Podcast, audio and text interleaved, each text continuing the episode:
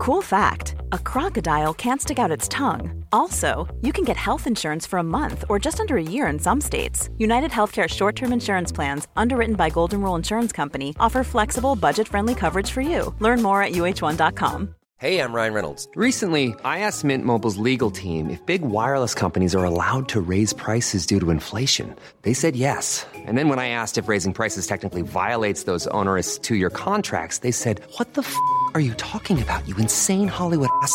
So to recap, we're cutting the price of Mint Unlimited from $30 a month to just $15 a month. Give it a try at mintmobile.com slash switch. $45 upfront for three months plus taxes and fees. Promo rate for new customers for limited time. Unlimited more than 40 gigabytes per month. Slows. Full terms at mintmobile.com.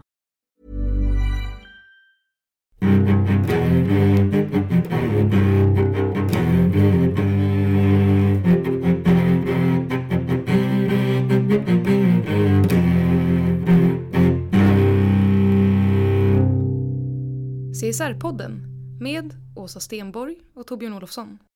Välkommen till CSR-podden där vi sysslar med att få en bredare och djupare bild av vad CSR är för något. Vi gör det genom att bjuda in människor som vi tycker är intressanta på olika sätt. Det kan vara experter, inspiratörer, debattörer och andra som på olika sätt arbetar med de här frågorna. Om du vill kommentera någonting i inslaget så kan du göra det på vår Facebook-sida. Gå in och gilla sidan så följer du oss och så kan du också se vad andra skriver och tycker. Vi som gör podden heter Torbjörn Olofsson och Åsa Stenborg och vår gäst idag är Mikael Salo, chefredaktör på Miljöaktuellt. Välkommen hit. Tack. Jag ska börja med den mest centrala frågan av dem alla. Är du släkt med Ola Salo? Nej, jag Inte är inte, alls? jag, jag är inte släkt med Ola vilken besvikelse. Ja, Jag tror inte han är släkt med speciellt många äh, finskättliga heller. Ola Salo har ju tagit eh, sitt namn. Han är inte släkt med någon. Han är inte släkt med någon och han har tagit det för att bli ett palindrom. Det tyckte han var spännande. Ja. Jaha. Ja, så han heter ju Ola Svensson egentligen. Och fick han göra det bara sådär?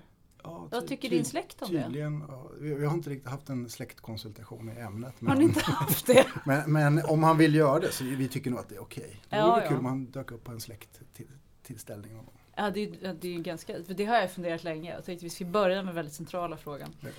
Eh, Du, när, vi, när man tittar på dig och tittar på din historik så står det att du har gått i den mytomspunna skolan Lundsberg. Är du en Lundsbergare? Är du det? Om man är Lundsberg, där man har gått där så är jag väl det. Hur var det? Enligt per definition. Men jag gick där som, jag är född och uppvuxen i Värmland. ehm, I östra delen av Värmland i Storfors. En liten, en liten bruksort eh, med då kanske var 4000 perso- invånare. Idag är det ungefär tre, skulle jag tro, drygt kvar. Eh, och eh, Lundsberg ligger i kommunen, så jag gick där som externatelev. Jaha, vad, vad, gjorde, hur, vad gjorde dina föräldrar?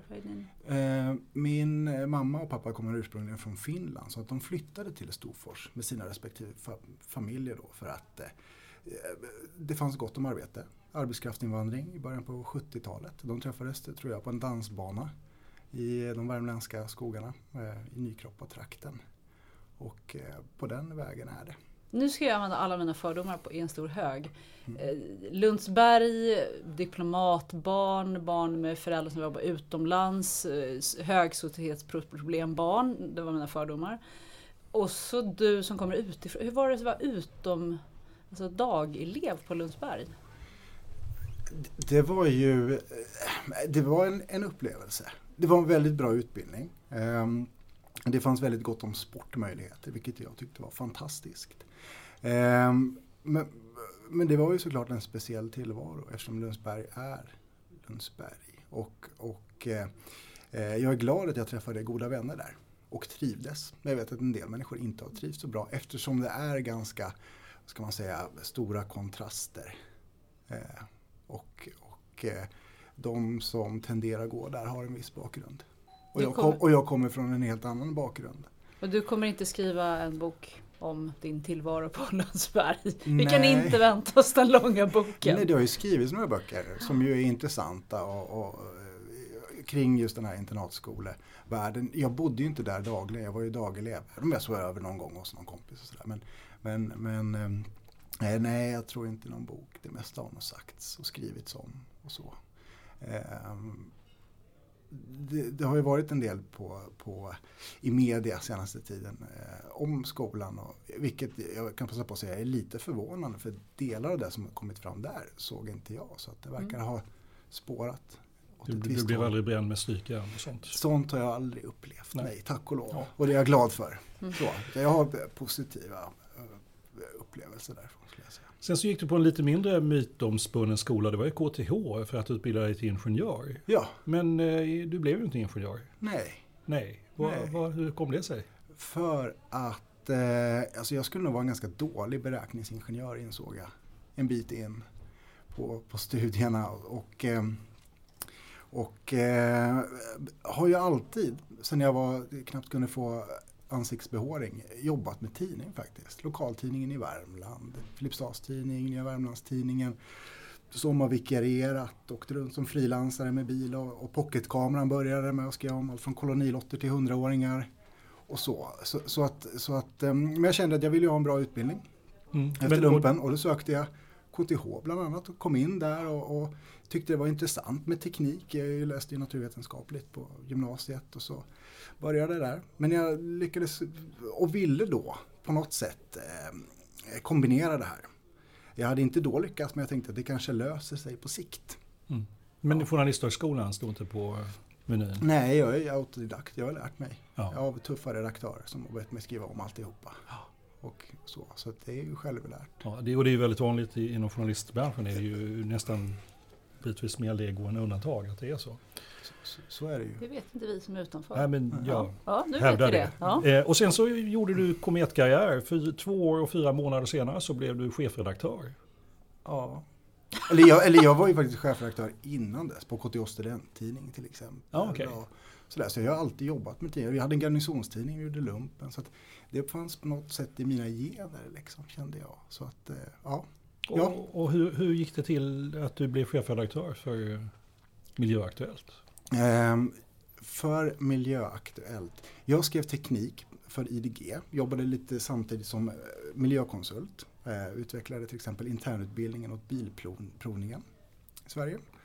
Eh, och då satt jag på IDG och, och skrev teknik. Eh, och så dök den upp en tjänst på en tidning som heter Dagens Miljö. Som ägdes av IDG. En tidning med fokus på CSR och framförallt näringslivsperspektivet. Eh, och så sökte jag jobbet. Och mot bakgrund av att jag har läst på KTH, är miljö, har pluggat till miljöingenjör, industriell produktion, miljömanagement. Så, så tyckte jag att det var jättespännande och skulle passa mig som handen i handsken. Och det var lite det jag hade eftersträvat hela tiden under min karriär. Och eh, så sökte jag och så fick jag jobbet. Och på den vägen är det. Och fick du jobbet som chefredaktör eller fick du jobbet som? Som, som chefredaktör. På en gång sådär bara?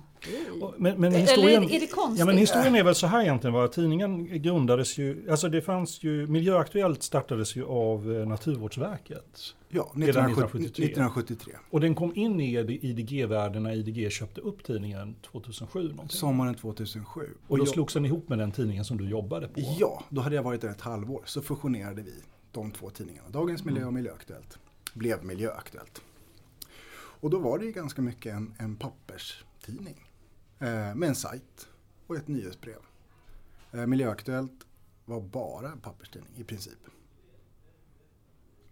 Och sen dess har vi ju jobbat hårt och intensivt i, i över åtta år. Mm. Har jag varit där nu. Vad, vad är din största kvalitet som chefredaktör? Det känns som man är lite på en anställningsintervju. Om jag ska vara helt ärlig. Jag ska avslöja att du har redan jobbet. Och det, och det, var, ett, och det var ett tag sedan. Ja.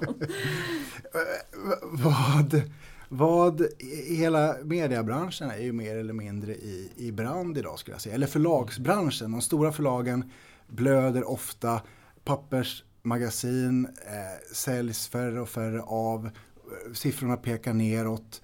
Man greppar efter eh, efter nya intäkter och söker nya utvecklingsmöjligheter. Ehm, och och eh, vägen framåt är ju digital. Eh, det är svårt att ta betalt för någonting som är digitalt. För en nyhet som man har kunnat lägga i en, publicera i en tidning eh, kan man inte längre få pengar för. Det förväntas vara gratis. Eh, och, och ehm, jag tror att eh, eh, med den insikten om vad som komma skall, den finns ju på förlaget, sen, har funnits sedan 2007, redan då pratades det om online first. Nu måste vi vara digitala och snabbrörliga, vi måste hitta. Mot bakgrund av, av den utvecklingen, den insikten så har vi utvecklat vår verksamhet, det vi gör, det publicistiska, inte bara en tidning längre eller nyheter på en sajt utan vi har ju vi har utvecklat tjänster, omvärldsbevakning, eh, nyhetsbrev, betalnyhetsbrev eh, som innehåller värdefull information för vissa målgrupper där man är beredd att betala betala för en digital prenumeration. Mm. Men ni har skapat en oerhört diversifierad verksamhet. Ja men absolut. Ja, och, och, konferenser, seminarier har vi sett att det finns ett stort värde och stor efterfrågan på. Mm. Som, som, ehm, så länge det levererar en tydlig nytta. Mm. Eh, och jag vet att ni har pratat om det här tidigare här i, i podden om konferensernas eh, eh utveckling. Eh, då 2007 fanns det kanske tre, fyra mm. större miljökonferenser i Sverige. Idag finns det kanske jag vet inte, 30-40. Mm. Beroende på hur man definierar st stor. Mm. Ehm, och så. Och, ehm, det är vi ju stolta och glada över att vi har lyckats utveckla. Mm. Tydliga konferenser med tydligt syfte och mål och som på något sätt hjälper till att driva, ja, men sätta agendan. Hjälper proffsen och beslutsfattarna mm. att göra ett bättre jobb. Du gjorde en jättetjusig glidning här för att du gjorde nästan en politikergrej. Jag frågade dig om, om din största kvalitet som chefredaktör. Du började berätta hur ni har utvecklat tidningen. Men fanns det en koppling däremellan? Är, inte, är inte det svar på frågan? Ja. jag, jag tänkte faktiskt hjälpa honom. Genom, jag tänkte, jag tänkte hjälp, binda ihop honom. Ja, gör det. Så jag går bakvägen. Men, för det var faktiskt nästa fråga. Hur skulle du beskriva verksamheten? Är du, då skulle jag säga, är det så att du kanske inte är chefredaktör längre? Eller är du Förstår du vad jag tänker? Jo men jag är ju chefredaktör. Jag är ansvarig utgivare och, och, jag har med och petar överallt och tittar och synar. Även om vi har många redaktörer som gör ett fantastiskt jobb och ansvarar för sina håll och kanter. Eh. Men jag tänker att, att hur stor del av verksamheten idag är papperstidningen?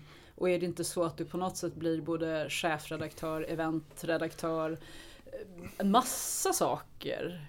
Jo, Jo, det, det, är det ju. Det är naturligt, absolut. Så, så, är det ju. Är det till och med så att det förväntas av en, en chefredaktör idag? Ja, det är liksom det, inte det gör jag. den gamla stammen som satt på sitt rum och rökte och funderade ut veckans ledare. Utan det... Nej, den tiden är förbi tyvärr. Man måste vara väldigt mångfacetterad, tror jag, i dagens media eh, Sverige. Så om vi tittar på dig som mångfacetterad så är du, ska du kunna ämnet. Ja, så, du ska vara affärsmässig. Mm. För det var ju det affärsutveckling du egentligen på något sätt beskrev. Du ska vara chef, för du är chef för en arbetsgrupp. Mm. Vad ska du mer kunna? Är det någon mer sträng på den där lyran?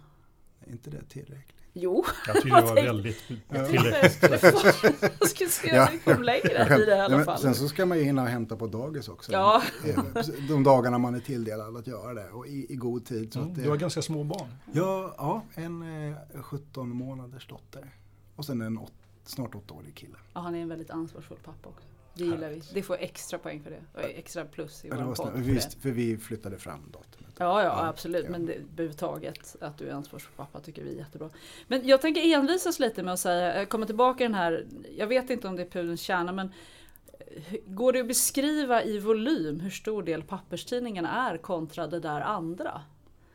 Eller i tid, om du skulle titta på din dag eller din, liksom, ditt arbetsår, är det så att tidningen är 10% bara nu och det andra är 90%? Nej, jag skulle nog säga att, att det är ganska svårt att säga.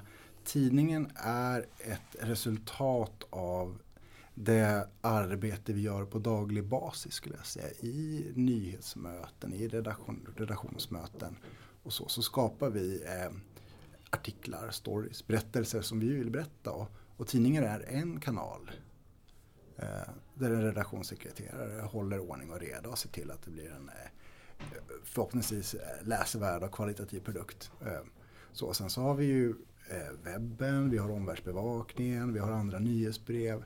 Så att allting, det handlar ju om att på något sätt dirigera ny, nyhetsflödet eller artiklarna. Och, och, det är inte bara nyheter längre utan det är ju det är mer analyser och, liksom granskningar. Vi går på djupet, vi har jämförelser. Så. Så ämnet är kärnan och kanalerna är konferenser, media, nyhetsbrev, Ja. tidning. De är liksom pålägget. Ja. Är ni lönsamma då? För du, du började liksom med det här att det är en gigantisk utmaning för alla som har en papperstidning. Går det bra för er?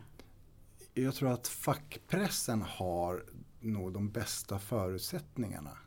Alltså branschpress, pressbranschtidningar, de bästa förutsättningarna att, att stå starka och, och stå ganska stabilt i den här utvecklingen som sker nu. Ehm, eftersom vi har väldigt tydliga målgrupper. Vi, vi, vår mission är ju att, ehm, att ehm, hjälpa proffsen eh, och beslutsfattarna att göra ett bra jobb. Rädda världen brukar vi skoja. Det, vår, liksom, det är där vi alltid, Ansvarslöst, så. ja, det är alltid vi där vi utgår ifrån. Om vi lyckas med det då, då, då kommer de förhoppningsvis tillbaka eh, och läser oss och besöker våra nu konferenser. ställde jag ju faktiskt en stängd fråga i- med flit här. Ja, är ni lönsamma? Du vill ha ett ja eller nej? Ja, typ rött eller svart vill jag ha. Ja, just det. Ja, Men, men om man tittar Grått på... går bra också. Men det- det är väl, det är väl klart att, att det förväntas av oss att vi ska leverera svarta siffror. Ja, och det gör ni också. Jag kan inte kommentera de ekonomiska... Men, det, men helt ärligt så, så Ja. gör inte det. Ja, Och det, är okej. ett, det är ett policybeslut på förlaget. Mm. Vi respekterar det. Men, men det är ju en... Ja, ja. Det gör vi. vi accepterar det. Vi går vidare. Eh, Du, ni har ju en viss fäbless för rankning. Alltså, ni gör ju årligen Sveriges miljömäktigaste, Sveriges bästa miljökommuner och så vidare. Vad, vad är, hur ser du på det? Vad är poängen med den här typen av ranking?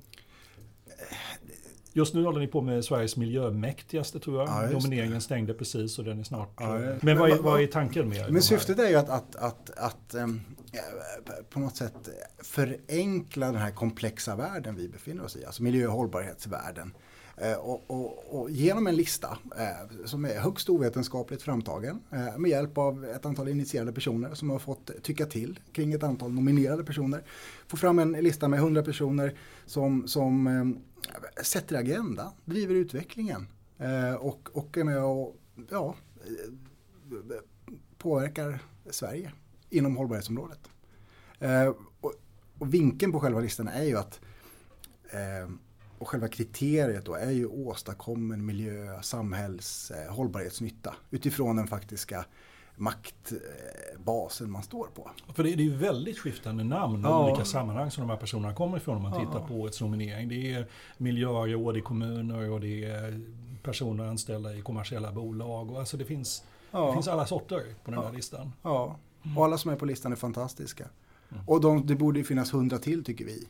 Vi ser hur, hur hela listan ser ut. Men, men vi kan bara lyfta fram hundra för sidorna räcker inte till riktigt. Har- Eller, Har Så. nomineringar blivit fler? Ja, men det har, det har växt lite faktiskt. Vi, I år hade vi nog de, de flesta, det kom in över 400 Mm. namn totalt. Vad, Vilket vad, ju- vad vinner man om man kommer först? Man vinner ingenting. Man, får en leva med titeln Ja. under ett år. Ja, och, och hamna på listan. Det brukar, vi, brukar vara en vinst. nog.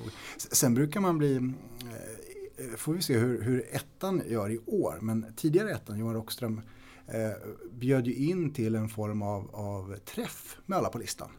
För att han sa att vi är så många olika, med så många olika bakgrund och möjligheter att sätta agendan. Så låt oss träffas och prata kring vad vi kan göra för att åstadkomma för att det går inte tillräckligt snabbt i politiken, i omställningen som vi måste ha till.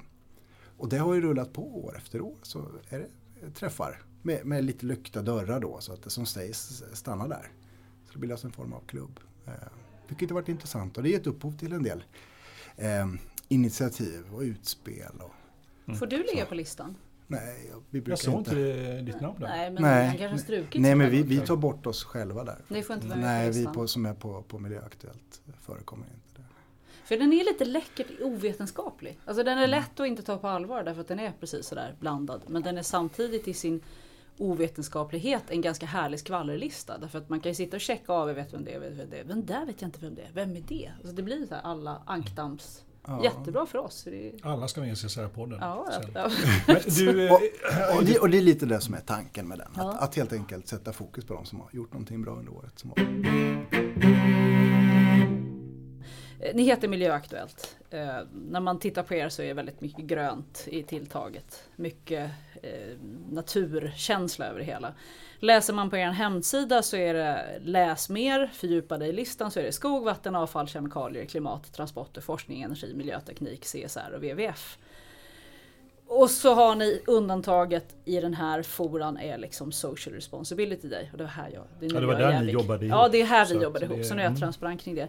Men det känns lite som ni, det här med miljö kontra hållbarhet kontra sociala frågor. Jag har ju tidigare varit med på de här dagarna och haft den där lilla klådan av att säga de tar det inte fullt ut. Det vävs inte in. Och jag har fortfarande den lite klådan, trots att jag nu är jävig ska jag ju säga det. Så att, hur, hur ser du på den här, min, hur ser du på min klåda?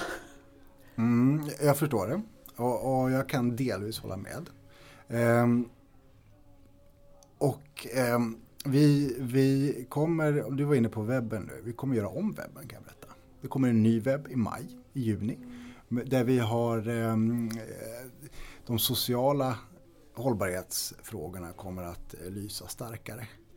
Ehm, Sen är det ju, för att för kanske förklara då bakgrunden, att vi har majoriteten av, av fokuset ligger på miljö. Det är ju att vi, vi heter Miljöaktuellt, vi kommer från Naturvårdsverket. De sociala frågorna har ju kommit in i vår värld eh, när, och på, på det sättet att när, när, när hållbarhetschefen, som är en av våra kärnläsare, helt plötsligt för ett tag sedan, då, då hen var miljöchef, fick även de sociala bitarna i sitt knä. Och då så insåg vi att okej, men nu är det dags att nu ska vi börja skriva om social hållbarhet och det kommer starkt och det är viktigt. Och det här måste man förhålla sig till. Så det har, har eh, det växer och det kommer mer och mer. Ehm, och vi har det i varje utgåva skulle jag säga. Och när byter ni namn då? Till Hållbarhetsaktuellt. Ja, typ. Ja. Så ska man, ska man än byta namn på ett, 70, på ett över 40 år gammalt varumärke? Ja, när det blir kanske. gammalt så Ja. ska man väl göra det. Vi har pratat om det. Vi har inte, vi har inte vågat tagit det. Näringslivs miljöchefer har gjort hoppet. Ja, det har de gjort. Det kanske, det, har- det, Ja. ja, det, ja, ja, Ja, så vi, är det. ja, är det en fråga? Det är en bra fråga, jag vet inte. Ja, vad det tycker du? finns Vad ju- tycker ni? Borde Nej, men vi det finns ju en risk med att det blir lite styvmoderligt också. Att, att det finns det här i våran bas, men det här gör vi också. Det där också Ja, fast, blir det, är- fast det är liksom en del i, i vi, vi fokuserar på ekologisk hållbarhet och social hållbarhet. Eh, Med eh, tonvikt idag på ekologisk. Men det sociala kommer. Jag har med mig faktiskt, eh, om man tittar lite på senaste utgåvorna. Så, så läser jag några rubriker här, går det bra? Mm, Absolut. Så mycket är socialt arbete värt i kronor och ören.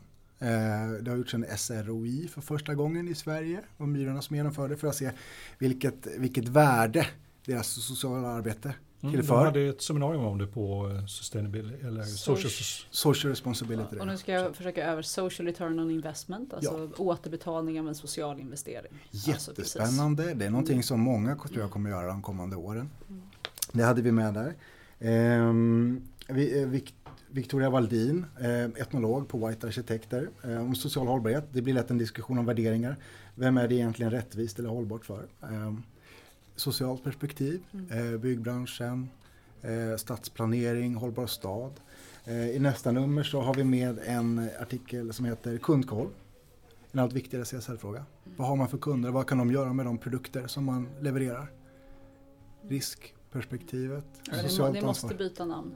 Jag Ja, fast jag, jag, tänker förstår ju namn. Mikaels eh, dubier här. Alltså för att jag Ja. menar, om, om, om jag fick frågan om jag skulle rekommendera att ni tog namnet Miljöaktuellt på en nystartad tidning så hade jag sagt nej. Mm. För det hade ju inte alls täckt arbetsområdet. Men med tanke på hur stor räckvidd ni har, hur länge ni har funnits och hur inarbetade ni är så folk vet vad Miljöaktuellt är för någonting och vad det står för ändå.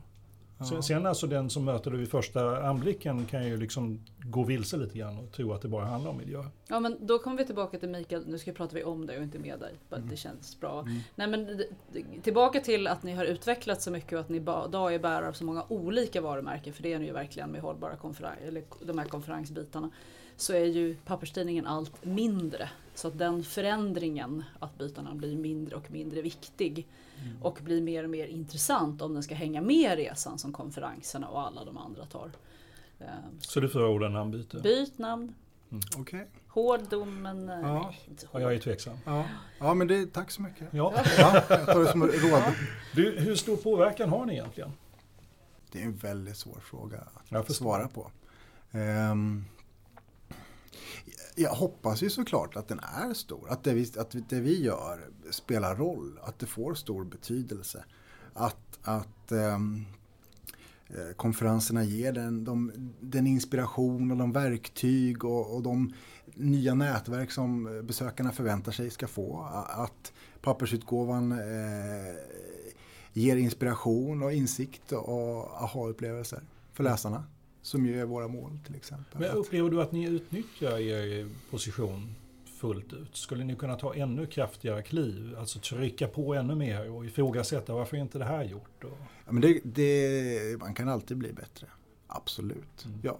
Eh, kampanjjournalistik har vi inte ägnat oss åt. Utan vi har ju varit, är ju lite återhållsamma där. Men... Lite mer vänliga och uppmuntrande. Ja, men samtidigt kan vi vara jättetuffa i vår journalistik. Jag menar, Vi har granskat eh, för några år sedan eh, Fiskeriverket eh, och, och, och, deras generaldirektörens förehavanden där med kvitton och ålplaner som inte genomfördes utan, utan och som inte var förankrade överhuvudtaget i, i verkligheten. Så, att, så att, det gjorde vi tillsammans med Kalla fakta och det fick rätt stora konsekvenser. Stor betydelse. Du, du, känner ingen, att, mm, förlåt, du känner ingen begränsning i att ni tillhör IDG där? Sätter IDG ramar för eh, vad ni får göra? Finns det saker du skulle kunna göra som skulle göra att du fick sparken? Eller hur långt skulle du vara tvungen att gå då? Ja, vad skulle krävas för att man skulle få det? Tänker jag då. Nej, nej, vi är ju fria i vår, i vår journalistik, i vårt, i vårt uppdrag. Att serva läsarna. Det är, det är de som är våra uppdragsgivare. Eh, så att, eh, nej, jag ser inga begränsningar så. Ni kör så tufft som ni vill? Ja, absolut. Oh, ja. ja. Finns det några förväntningar här så jag sitter jag Är det någonting du saknar i, i, i det vi gör? Nej, jag, nej det, det, kan jag inte säga på rak arm att jag gör. Men ni, ni, är ju per definition en ganska snäll tidning. Ni är uppmuntrande, ni berättar om goda exempel. Och det är klart att man skulle kunna se att ni skulle kunna bli en, en hårdare granskande tidning. och följa upp och, och ifrågasätta var, varför sa ni det här men det här har inte blivit genomfört. Och, och även sätta åt Eh, politiska beslutsfattare på ett helt annat sätt än vad ni kanske gör idag. Idag känns det som att ni är mer angelägna att de ska komma på konferenserna än att ni ska förfölja dem för eh, deras dåliga politik egentligen. Men, mm. Min bild är att vi gör det mm. och att vi ställer de tuffa frågorna och att vi, vi följer upp. Sen kan man ju alltid bli tuffare men, men absolut att vi, det gör vi. Mm. Ja, men jag förstår ju också att det är en avvägning för att till slut så är det ingen som vill prata med det är liksom Man måste röra sig i någon slags land där man ändå har en dialog. Liksom. Nej, nej, fast det är inte det som är, är anledningen till att vi eventuellt skulle hålla oss tillbaka. Definitivt inte, utan, utan eh, min bild är att eh, vi ställer de tuffa frågorna till de som för, förtjänar det och som ska ställas mot väggen. Eh, vi kan säkert bli bättre på det. Eh, du nämner goda exempel. Och det är någonting som vi har värnat ganska mycket om och sett till att ha med i, i det vi gör på ett eller annat sätt. Just för att visa på det goda exemplets makt. På att visa att det är möjligt, det går. Här är en riktning som vi kan röra oss i. Se och läs och lär. Eh, och det går ju i linje med vår mission. Att hjälpa proffsen och beslutsfattarna. Och informera dem om att det är möjligt. Här är en riktning. Mm. Vilka är era konkurrenter idag? Vilka skulle du peka på som dina? Vi har ju en tidning som heter Miljörapporten. Mm. Um, Sen finns det ett, ett, magasin som heter Miljöutveckling. Mm. Um, och sen så, det är väl de renodlade konkurrenterna skulle jag säga. Och några av de stora traditionella affärstidningarna har ju på ett helt annat sätt mognat in i hållbarhetsfrågan och lägger det som en nischfråga, har bilagor. Mm. Hur ser du på det? De är inte era? Jo, det kanske de är på sätt och vis.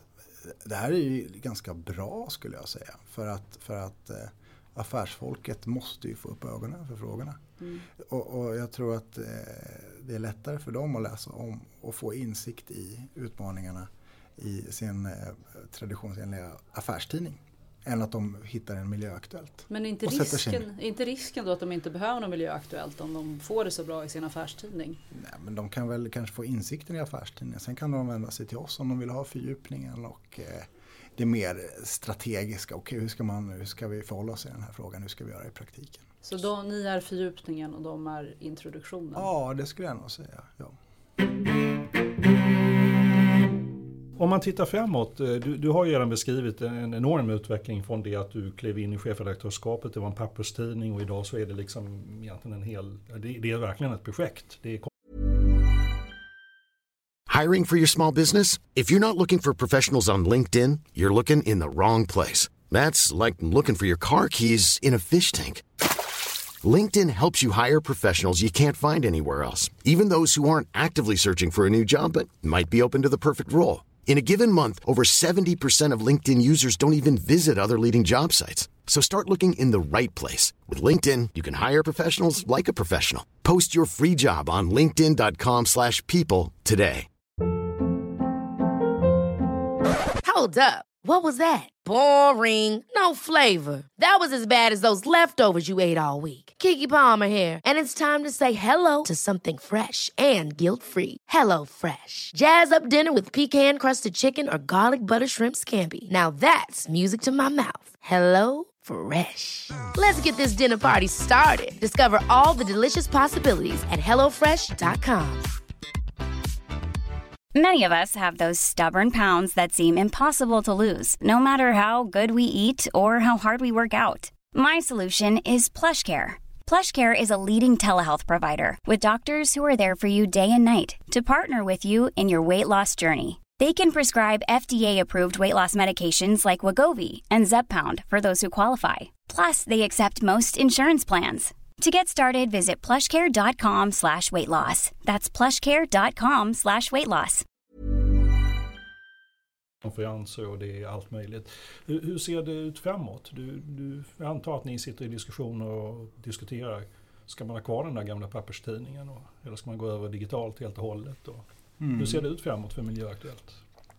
Jag och eh, mina jätteduktiga kollegor sitter och pratar om detta. Eh, och, och eh, visionerar och, och tar in trender och eh, försöker tolka framtiden så gott det går. Ehm, papperstidningen idag mår bra och eh, det är vi glada för. Samtidigt så planerar ju vi för och har lanserat ett flertal olika ehm, eh, andra initiativ och, och tjänster och produkter. Jag kan inte säga när papper försvinner om det försvinner. Mm. Utan vi, den, den är väldigt stabil hos oss, vilket vi är glada över. Så man pratar ju i andra sammanhang om att det är ju väldigt mycket generationsfråga. Papperstidningen hör ihop med vissa åldersgrupper och med de yngre åldersgrupperna är det mer sällsynt. Så att det skulle förmodligen gå att räkna fram en prognos ungefär när ni är i läget att det börjar bli dags att säga nej tack till pappersleveranserna. Det tror jag att eh, alla förlagshus med någon form av överlevnadsinstinkt har gjort idag. Så att man vet när, när det är dags att ja, bjuda in till begravning Mm. för papperstidningen. Mm. Absolut, det, det tror jag att de flesta, den analysen har de flesta gjort eller i så fall måste göra nu. Mm. Så, ja. Du, om vi bortser från fackmedia och affärstidningarna och sådär, hur, hur ser du eh, att media generellt eh, hanterar hållbarhet och CSR-frågor och sådär? Har de, har de blivit bättre på det? Alltså jag, jag hör ju ordet nämnas, men har de verkligen blivit bättre på frågorna? Mm, generellt sett nej, skulle jag säga. Ehm, I vissa enstaka fall. Det handlar om, tror jag, jo- jo- journalister, krönikörer som har profilerat sig och som ges rätt mycket utrymme i vissa, vissa publikationer. Har du något exempel på någon sån som du skulle peka på är duktig? Ja, men, men eh, Andreas Cervenka till exempel, om man tittar på den ekonomiska hållbarheten och, och har ju, gör ju ett fantastiskt arbete skulle jag säga på Svenska Dagbladet. Och hans, hans eh, varje krönika får nog ett otroligt genomslag tror jag. Eh, Och, och i alla fall vad jag ser i sociala medier så, så ger det verkligen impact där han beskriver den ohållbara utvecklingen på det området exempelvis. Det är ett exempel. Mm. Se- Ser du att media skulle kunna spela en mer avgörande roll i, i hållbarhetsområdet? Skulle media kunna göra mer? Ja men det tycker jag väl. Jag tror att media är, är nyckeln framåt helt enkelt. För att, för att lyfta medvetenheten eh, kring de stora utmaningar framför, vi har framför oss. För de är ju så enorma. Om man bara tar in de trender vi ser i, i samhället, i världen idag. Och, och, och så extrapolerar man, förflyttar sig i fram, framåt i tiden. Så vill man ju bara börja gråta över liksom, den insikten över vilken jordklot vi kommer lämna över till våra barn. Alltså det är ju, man blir ju så extremt deprimerad. Och det finns nästan ingenting som pekar på att vi är på väg att och, och ändra den kurs vi håller på. Om man tittar på klimatfrågan är ett exempel. Eh, 3-4 graders temperaturhöjning till år eller 2000. Mm. Här, det, det, är så här, det, det, kommer ju få så enorma konsekvenser att vi inte, det är nästan inte greppbart. Mm. Eh, och här spelar ju media en jätteviktig roll som opinionsbärare, som in, informationskanal för det här. Um, Men uppenbarligen tycker du inte de gör det, nej, det de nej, göra? Inte, inte tillräckligt, nej. Nej, eh, nej. Och, och, och, en anledning kan ju vara att det är rätt tufft på förlagshusen idag. Med eh, eh, minskade, slimmade redaktioner, specialkompetensen eh, blir inte kvar. Det är mycket allmänreportrar, man förväntas göra allting. Eh, och, och, och eh, vad som skulle behövas är egentligen så här att vi, vi samlar ihop alla redaktörer i Sverige, sätter dem eh, på en konferens, ett par dagar till och med, en form av så utbildning. Så plockar vi dit Johan Rockström och Isabella Lövin, kanske de som verkligen så här, eh, förstår och är pedagogiska och så förklarar man läget för dem. Jag tror att det skulle hända Men du, det låter ju som en perfekt miljöaktuell konferens. Ja, det kanske vore det.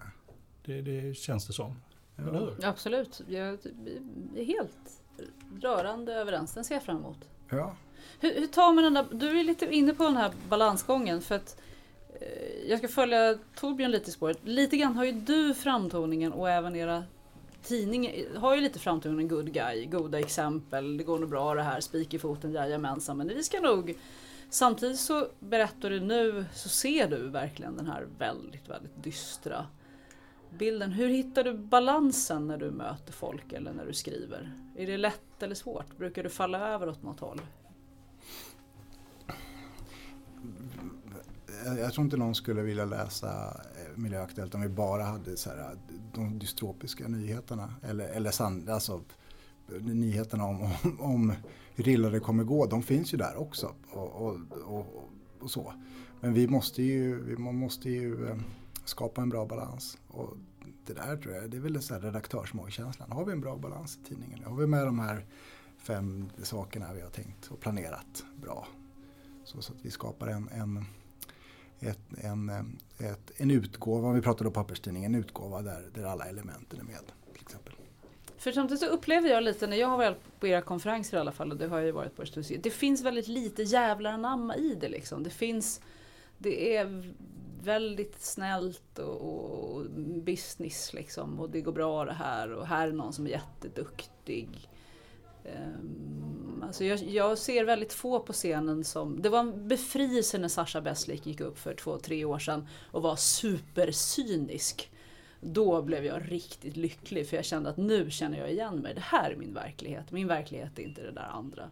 Mm. Så Finns det inte en risk att i viljan att vilja få med sig folk så är vi, blir vi också, och nu talar jag mig själv också när jag håller för det, så blir vi mesiga.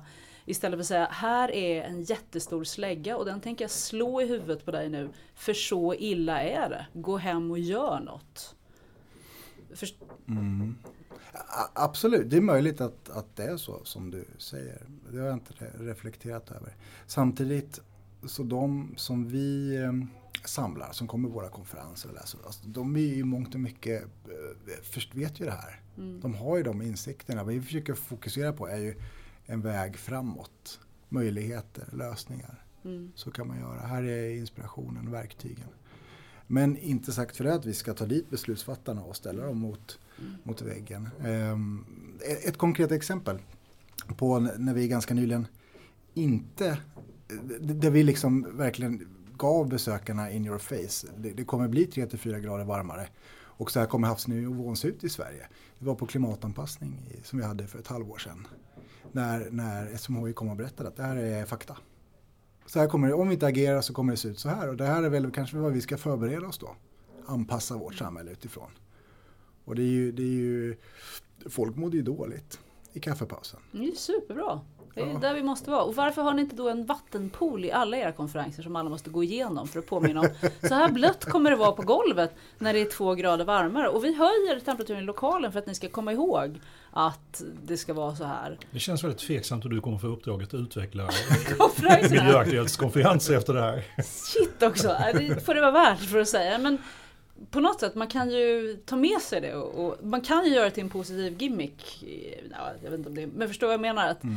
skruva det ändå lite tydligare och komma ihåg. Det här vet vi allihopa så låt oss påminna oss om det. Och, A- absolut, det är ja, väldigt kreativt. Höja temperaturen, vattenpölar. Ja, kan, det kanske gör ett Va, va, extra. men du, du själv sa ju nu alldeles nyss, så, så du har ju själv en ganska mörk syn, eller du, du misströstar lite grann i varje fall. Därför att trots alla dessa konferenser och att man pratar om ämnet, alla kommer dit positiv anda och vill utvecklas. Så det händer ju ganska lite mellan de årliga konferenserna. Liksom. Man är på ungefär samma nivå varje gång. Mm, men samtidigt går det ju långsamt framåt. Ja, går, men det på går, vissa områden. går det tillräckligt fort? Nej, nej, det gör det ju inte. Nej. Nej, absolut inte. Nej, vad vi skulle behöva se är just en radikal omställning av, av eh, samhället, eh, affärsmodeller och eh, eh, bolag. Och, och, och för att få till en sån så krävs det ju radikalt förändrade styrmedel.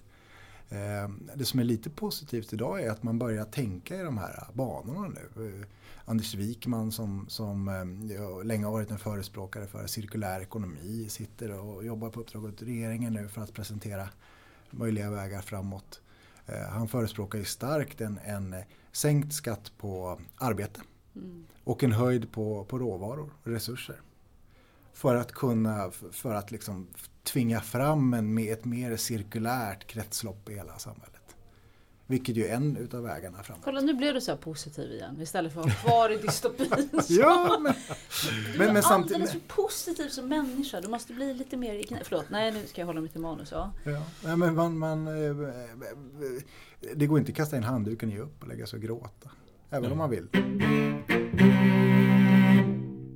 Vi reflekterade lite grann eh, nu i senaste konferensen här som vi också hade några podcastsändningar ifrån, eh, Sustainability Business Day.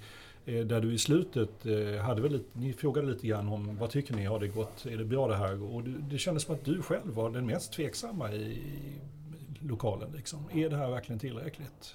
Du, du, du utstrålade lite det i varje fall. Ja, just det. Ja, men det, mot vad vi ser nu. Lösningarna, vägen framåt är ju eh, teoretisk. Eh, men den finns där. Eh, och, egentligen så handlar det om att kavla upp ärmarna och börja eh, skapa en väg framåt i praktiken. För det har ju pratats väldigt länge nu. Ja, jag, då ska jag svara på vad, nu ska jag ta chansen och säga vad jag tycker. För jag tycker att det finns lite för lite jävlar anamma. Att, att det finns fortfarande en businessartighet och goda exempel och några hålls fram och sånt där. Men vi måste gå på kritisk massa och vi måste våga vara krismedvetna i det svåra samtalet. Och ibland tycker jag det blir lite jamsigt i det här. Och, och, och vi måste våga säga precis som det är, se sanningen i vitögat och säga det är svår omställning och nu gör vi det istället. Och vi måste börja göra. Eh, så jag, är nog, jag, jag vill ju ha lite mer otålighet och, och, och lite mer lite mindre liksom babbel. För vi har babblat i väl hela CSR-området. Och det är, det är målbilder som är så mjuka så de är som gummimadrasser liksom. När man tittar på vissa organisationers mål. Istället för att det är ganska hårda, skarpa omställningar. Vi har inte tid med mjukheten. Och det där förstår alla som löser problem. Så vi måste börja se en problemlösning. Och sen inte dramatisera det så mycket. Och inte tillåta det till att vi behöver kunskap först. Ja, det behöver ni. Men det behöver ni allting annat som ni ställer om också. Då går ni på handling. Så nu går vi på handling istället. Så jag är lite otåligare. Jag vill ha lite mer spräng i det. Ja. Så det är en hel lista av goda råd. Slå folk med slägga i huvudet. Nej, det sa jag Stenhårda, inte. Eh, sanningar och så ska de gå i pool också. Ja, när jag har vattenpöl på golvet för att påminna. Nej, man ska inte slå. Det, det är inte nödvändigtvis. Jag tror att vi befinner oss i ett form av moment 22. Eh, där där tre, tre eh, vad ska man säga, eh, grupper, eh, politiker, näringsliv och eh, säg medborgare, eh, befinner sig i ett låst läge på något sätt. Företagen säger ju i mångt och mycket att eh, visst, i oss spelreglerna så är vi med. Eh, och, och anpassar oss till det. Så har det alltid varit hi- historiskt. Att man gillar läget och sen så, även om man bråkar emot en stund så, så gillar man läget. Och man väntar på politikerna. som, ska, som sätter upp spelreglerna. Men politikerna väntar ju på väljarna, medborgarna. Konsumenterna Ja. som inte heller gör Nej, och de tittar i sin plånbok och räknar pengarna. Och, och, och väljer, röstar efter det. Så att det, det är liksom en låsning som är rätt så komplicerad här. Och då hamnar jag i någon sorts läge där jag är övertygad om att Angela Merkel ställer om det tyska näringslivet för att de ska bli konkurrenskraftiga i framtiden. Och jag är övertygad att det finns de i näringslivet, i det tyska näringslivet som förespråkar det och vågar hoppa på tåget. För att logiken är 100%. Vill du överleva som ras och vill vi överleva som affär så måste vi ställa om. Och det är den som, som behöver trilla ner någonstans. Och det är inte sidrörelse, det är inte köka ekologiskt utan det är liksom att se över alltihopa.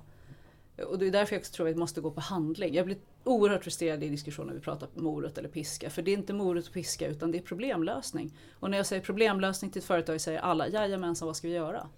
Och då är det inte piska och morot. Och där blir politikerna så kissnödiga. Och nej, vi får inte göra en lag, vi måste göra bidrag istället. Ja men det är inte det. Det här är ett gemensamt problem som vi måste lösa. Och sen om det behöver en hög med alla möjliga verktyg, som både piskar och morötter och allting annat däremellan. Kör, bara gör det. Mm. Om man skulle granska media under en hållbarhetslupp, vad skulle jag hitta då? Vad är de största hållbarhetsutmaningarna för mediebranschen? Jag tror det är generellt att känna ett ansvar för de här frågorna och om man är ett större mediehus, eh, ta med det i sin rapportering skulle jag säga. Det är nog den, det, det, den största bristen generellt sett. Eh, det största ansvaret skulle jag, i alla fall jag skulle tilldela dem. Mm. Eh, men det kan vi nu åtgärda genom att ha en, en form av seminarier slash utbildning för dem.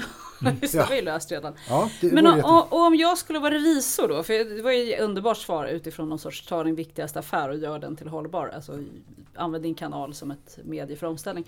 Men om jag också skulle ta med mig min lilla äckliga revisorsblock och så skulle jag börja titta på miljöaspekter och sociala aspekter i mediebranschen. Var skulle jag sätta röda bockar? Jag tror lite på den sociala biten.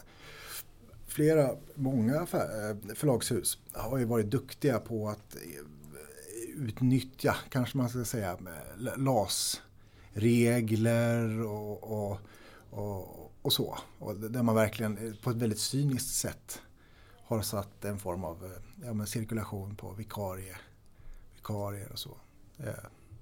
Till arbetsförhållanden? Arbetsförhållanden skulle jag nog tro. Eh, vilket på något sätt, på något konstigt sätt hela branschen har, har köpt. Sagt ja till. Okej, det är en tuff bransch men då det, man gör sina hundår och då får man s, s, ha lite osäkra eh, villkor. Men jag kommer nog kanske in om jag är tillräckligt duktig. Jag får jobba hårt. L- lite så. Och är det osäkra villkor och är det även sena timmar och lite magsår? Och, Ja, det tror jag nog. I alla fall har varit. Ja, men det, det tror jag. Nu, har inte jag, jo men så är det ju. Det är rätt tufft emellanåt. Och även jag har gjort liksom, eh, slitit rätt hårt i början för att komma in och verkligen så här greppa. Och, och, ja, men- Innan du blir chefredaktör. Ja, ja, men som frilans, det är inte så bra betalt och, och, så, och sådär. Så man, ja, ja. Eh, du, du har ju ett väldigt helikopterperspektiv eftersom du träffar så mycket folk och gör det i, i hållbarhets och CSR-kretsarna. Ser, ser du vilka som är pådrivande? Vilka är duktiga på att driva de här frågorna framåt inom sina branscher? Det, det är väl klart att man har noterat vissa personer och aktörer som man ser har en stor eh, betydelse och påverkan. Många av dem, de finns faktiskt på den här miljömäktigaste listan. Men det är på det är individnivå som du ser mer än företag som Ja, men också vissa företag som är modiga och går före. Ofta familjeägda företag. Om vi nu pratar om företagen. Som, som eh, där poletten har trillat ner. Man har fått den här fasansfulla insikten om vart vi är på väg. Och så gör man allt man kan för att agera utifrån det. Där är till exempel Polarbröd ett fantastiskt exempel. Eh, där, där systrarna eh, som leder bolaget har verkligen Eh, satsat på det här. Trots att det kostar dem pengar. Trots att det inte är lönsamt så ser de till att investera i vindkraftverk och de experimenterar, har någon form av labbverksamhet för att få fram en så hållbart eh, produkt som möjligt. Men det, det, där är, det där är ju en förhastad förenkling. Därför att den som har gjort den kalkylen har gjort en dålig kalkyl. Man säger trots att det inte är lönsamt. För det är jättelönsamt när du säger det. Och det blir jättelönsamt när jag nu står framför brödhyllan och säger ja just det, Polarbröd var det ja. Alltså, och det är omöjligt att beräkna den effekten. Så att jag tror att man ska vara försiktig med att avfärda det som, då måste vi säga icke kalkylerbart lönsamt. Just nu. Men definitivt lönsamt utifrån hur de mår, hur vi agerar som kunder och hur de kommer överleva en tvingande omställning. Absolut. Sade hon med Ja, ja men så, såklart, mm. absolut. Ja. Med, med eh, rätt styrmedel på plats så är det lönsamt, extremt lönsamt. Eller i framtiden. Finns det grupper? Om vi inte skulle prata om enskilda företag, finns det gruppering? Finns det någon bransch? Finns det någon del av, av hållbarhetsvärlden som tycker liksom driver på i perioder eller kan driva på i perioder? Mm, för några år sedan så gjorde vi en, en en artikel där vi ställde frågan vilka är de, alltså de dolda beslutsfattarna, de som skulle kunna få en omställning att ske snabbare. Som skulle kunna liksom, genom att de skulle agera så skulle det bli någon form av tipping point där man verkligen så började, började mm, eh, ställa om i, i, i, på, på, bred front. Ehm, och det finns ju eh, på flera håll flera olika eh, titlar. Styrelserna är ju en sån, bolagsstyrelserna i Sverige är en sån grupp. Att tänk om, om insikten skulle finnas där, då skulle det verkligen hända saker. Ehm, även, även politiker i kommuner och landsting har ju ett stort, stort ansvar och roll. Eh, och även tjänstemän, vissa tjänstemän på kommuner har en viktig roll. Till exempel, för att nämna några. Vilka är de heta frågorna som vi pratar om nu? Du som har perspektivet. Vilka skulle du sätta på kartan? Det vi kommer få höra mycket av under resten av 2015 är ju klimatfrågan inför FN-toppmötet i Paris. Den, eh, är, den kommer vara i fokus. Ehm, även kemikaliefrågan växer sig allt starkare skulle jag säga. Jag har gjort det under ett par år. Ehm, delvis driven från politiskt håll där man har tagit flera initiativ. Till exempel giftfria förskolor nu som börjar rullas ut. Det kommer nya upphandlingsregler, direktiv för det till exempel. Ehm, och, och eh, där finns också ett konsument eller medborgartryck. Man vill inte ha att ens barn ska bli eh, förgiftade på dagis. Man vill gärna ha rena Giftfria barn, ska vi börja med det projektet? Barn. Exakt, exakt. Ja. Så det, den är väl på gång. Sen så finns det inom det sociala området eh, en hel del. Eh, mångfald är ju här. Integrationsfrågan, eh, eller på integrationspolitiken som är en del av, blir en del av mångfaldsfrågan. Jätteaktuell. Eh, det pratade vi om på konferensen delvis. Eh, utanförskapets pris. Jag tror att vi kommer få se väldigt mycket inom det området. Ser du någon sån här bubblare som kommer vara het om tre år? Som du ser att här har det börjat viskas i en hörna. Nu är det bäst vi lyfter den här för den kommer vara intressant om jag tror det här med kund, kundkoll kallar vi det här på, i rubriken. Alltså vad gör kunderna med dina produkter? Varor? Det berör inte alla men det börjar beröra fler. Jag träffade en, en representant för ett kemikaliebolag som har affärer med Gazprom. Ryska bolaget, eh, olje och gasbolaget. Och de sa att vi sitter nu med djupa veck eh, och ser över vår relation till dem. För vi vet ju inte vad de, de är ju ett, ett form av vapen för diktatorn i öst. Eh, den nya Stalin. Vår tids Stalin. Någon sorts kund eller produktansvar, produkt och tjänstansvar. Ja, så här ja, använder du min produkt och tjänst Ja, absolut. Att det är på något sätt att man vill, det finns en risk i, i risk ja. med, med, vad kunden gör. Mm. Eh, det tror, den tror jag kommer utvecklas framöver. Mm. Och alltså att man går åt andra hållet i sin eh, leverantörskedja. Nedströms, nedströmsperspektiv. Ja. De som lyssnar på CSR-podden de börjar nog bli uttråkade för att i stort sett i varenda avsnitt så tar vi upp misslyckande. Det är vårt återkommande tema. Det är det vi verkligen geggar i. Och då undrar jag lite grann sådär, varför, varför du, tror du att, du. att det pratas så sällan om misslyckande? Då, då pratar vi om perspektivet att det finns så mycket erfarenhet och kraft att hämta ur misslyckande.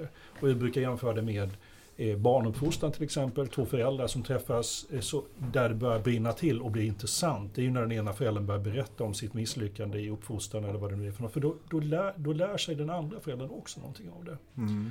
Men än så länge har ni inte arrangerat en failure-konferens som ledde till success story. Den har ni kvar att göra.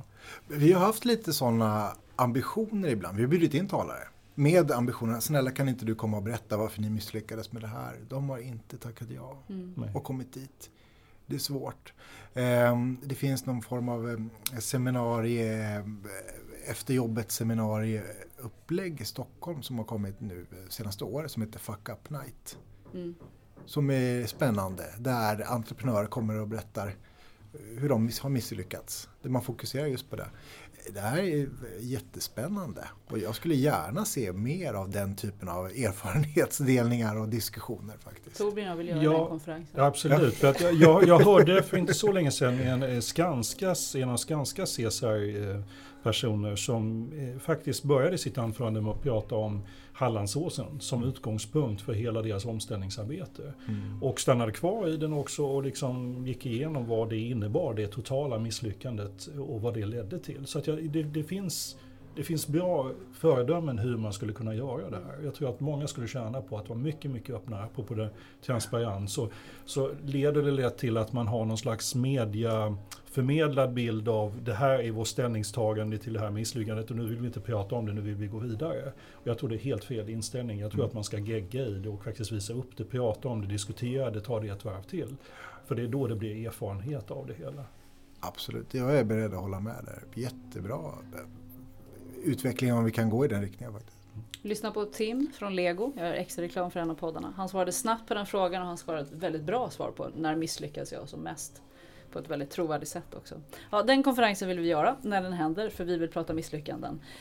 Eh, vad tycker du är det viktigaste du gjort i ditt arbetsliv hittills? Ehm, jag, jag eh, brinner ju verkligen för att eh, göra miljöaktuellt och, och alla våra aktiviteter och, och liksom i, i linje med vår mission. Eh, jag tror att den kommunrankning som vi genomför varje år eh, är jag nog kanske lite extra stolt över. Att vi har lyckats etablera så bra och att den har- får så stort genomslag varje år.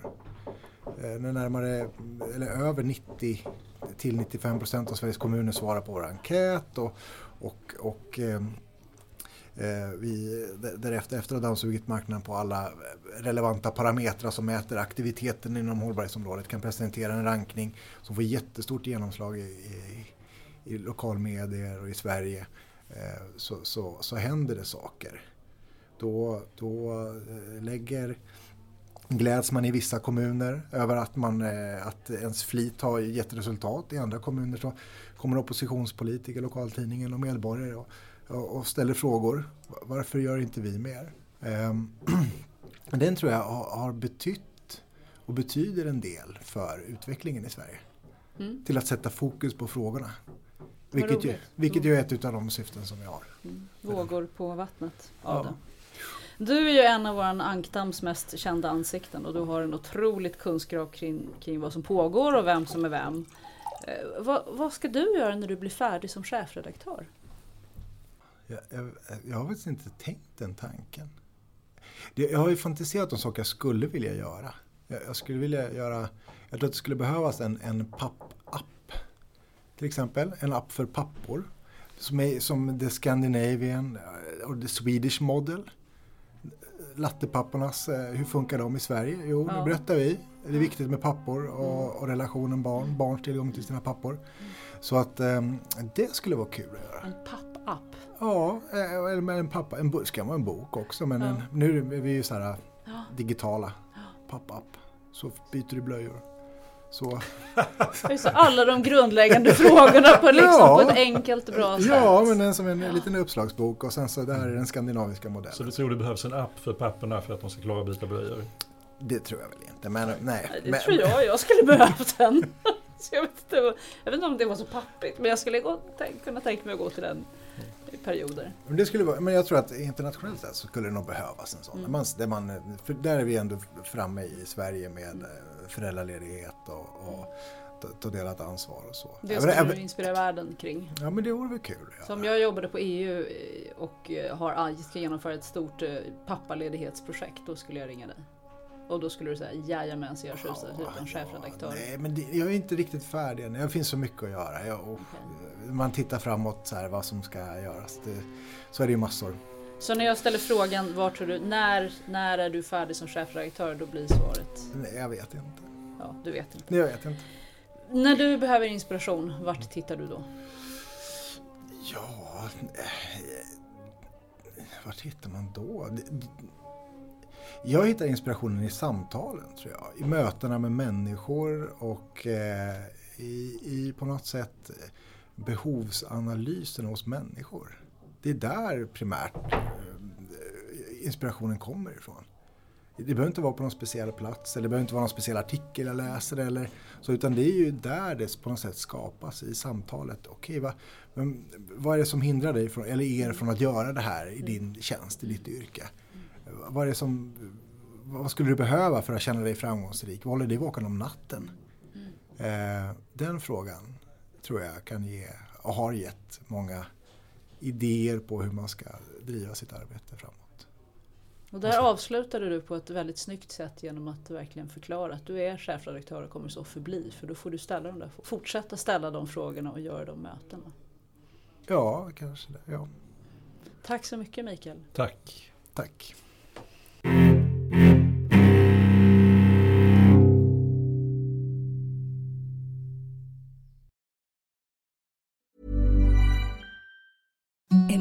The softest sheets you've ever felt. Now imagine them getting even softer over time. That's what you'll feel with Bowl and Branch's organic cotton sheets. In a recent customer survey, 96% replied that Bowl and Branch sheets get softer with every wash. Start getting your best night's sleep in these sheets that get softer and softer for years to come. Try their sheets with a 30-night guarantee. Plus, get 15% off your first order at bowlandbranch.com. Code BUTTERY. Exclusions apply. See site for details. Ever catch yourself eating the same flavorless dinner three days in a row? Dreaming of something better? Well, HelloFresh is your guilt-free dream come true, baby. It's me, Kiki Palmer. Let's wake up those taste buds with hot, juicy pecan-crusted chicken or garlic butter shrimp scampi. Mm. Hello Fresh. Stop dreaming of all the delicious possibilities and dig in at HelloFresh.com. Let's get this dinner party started.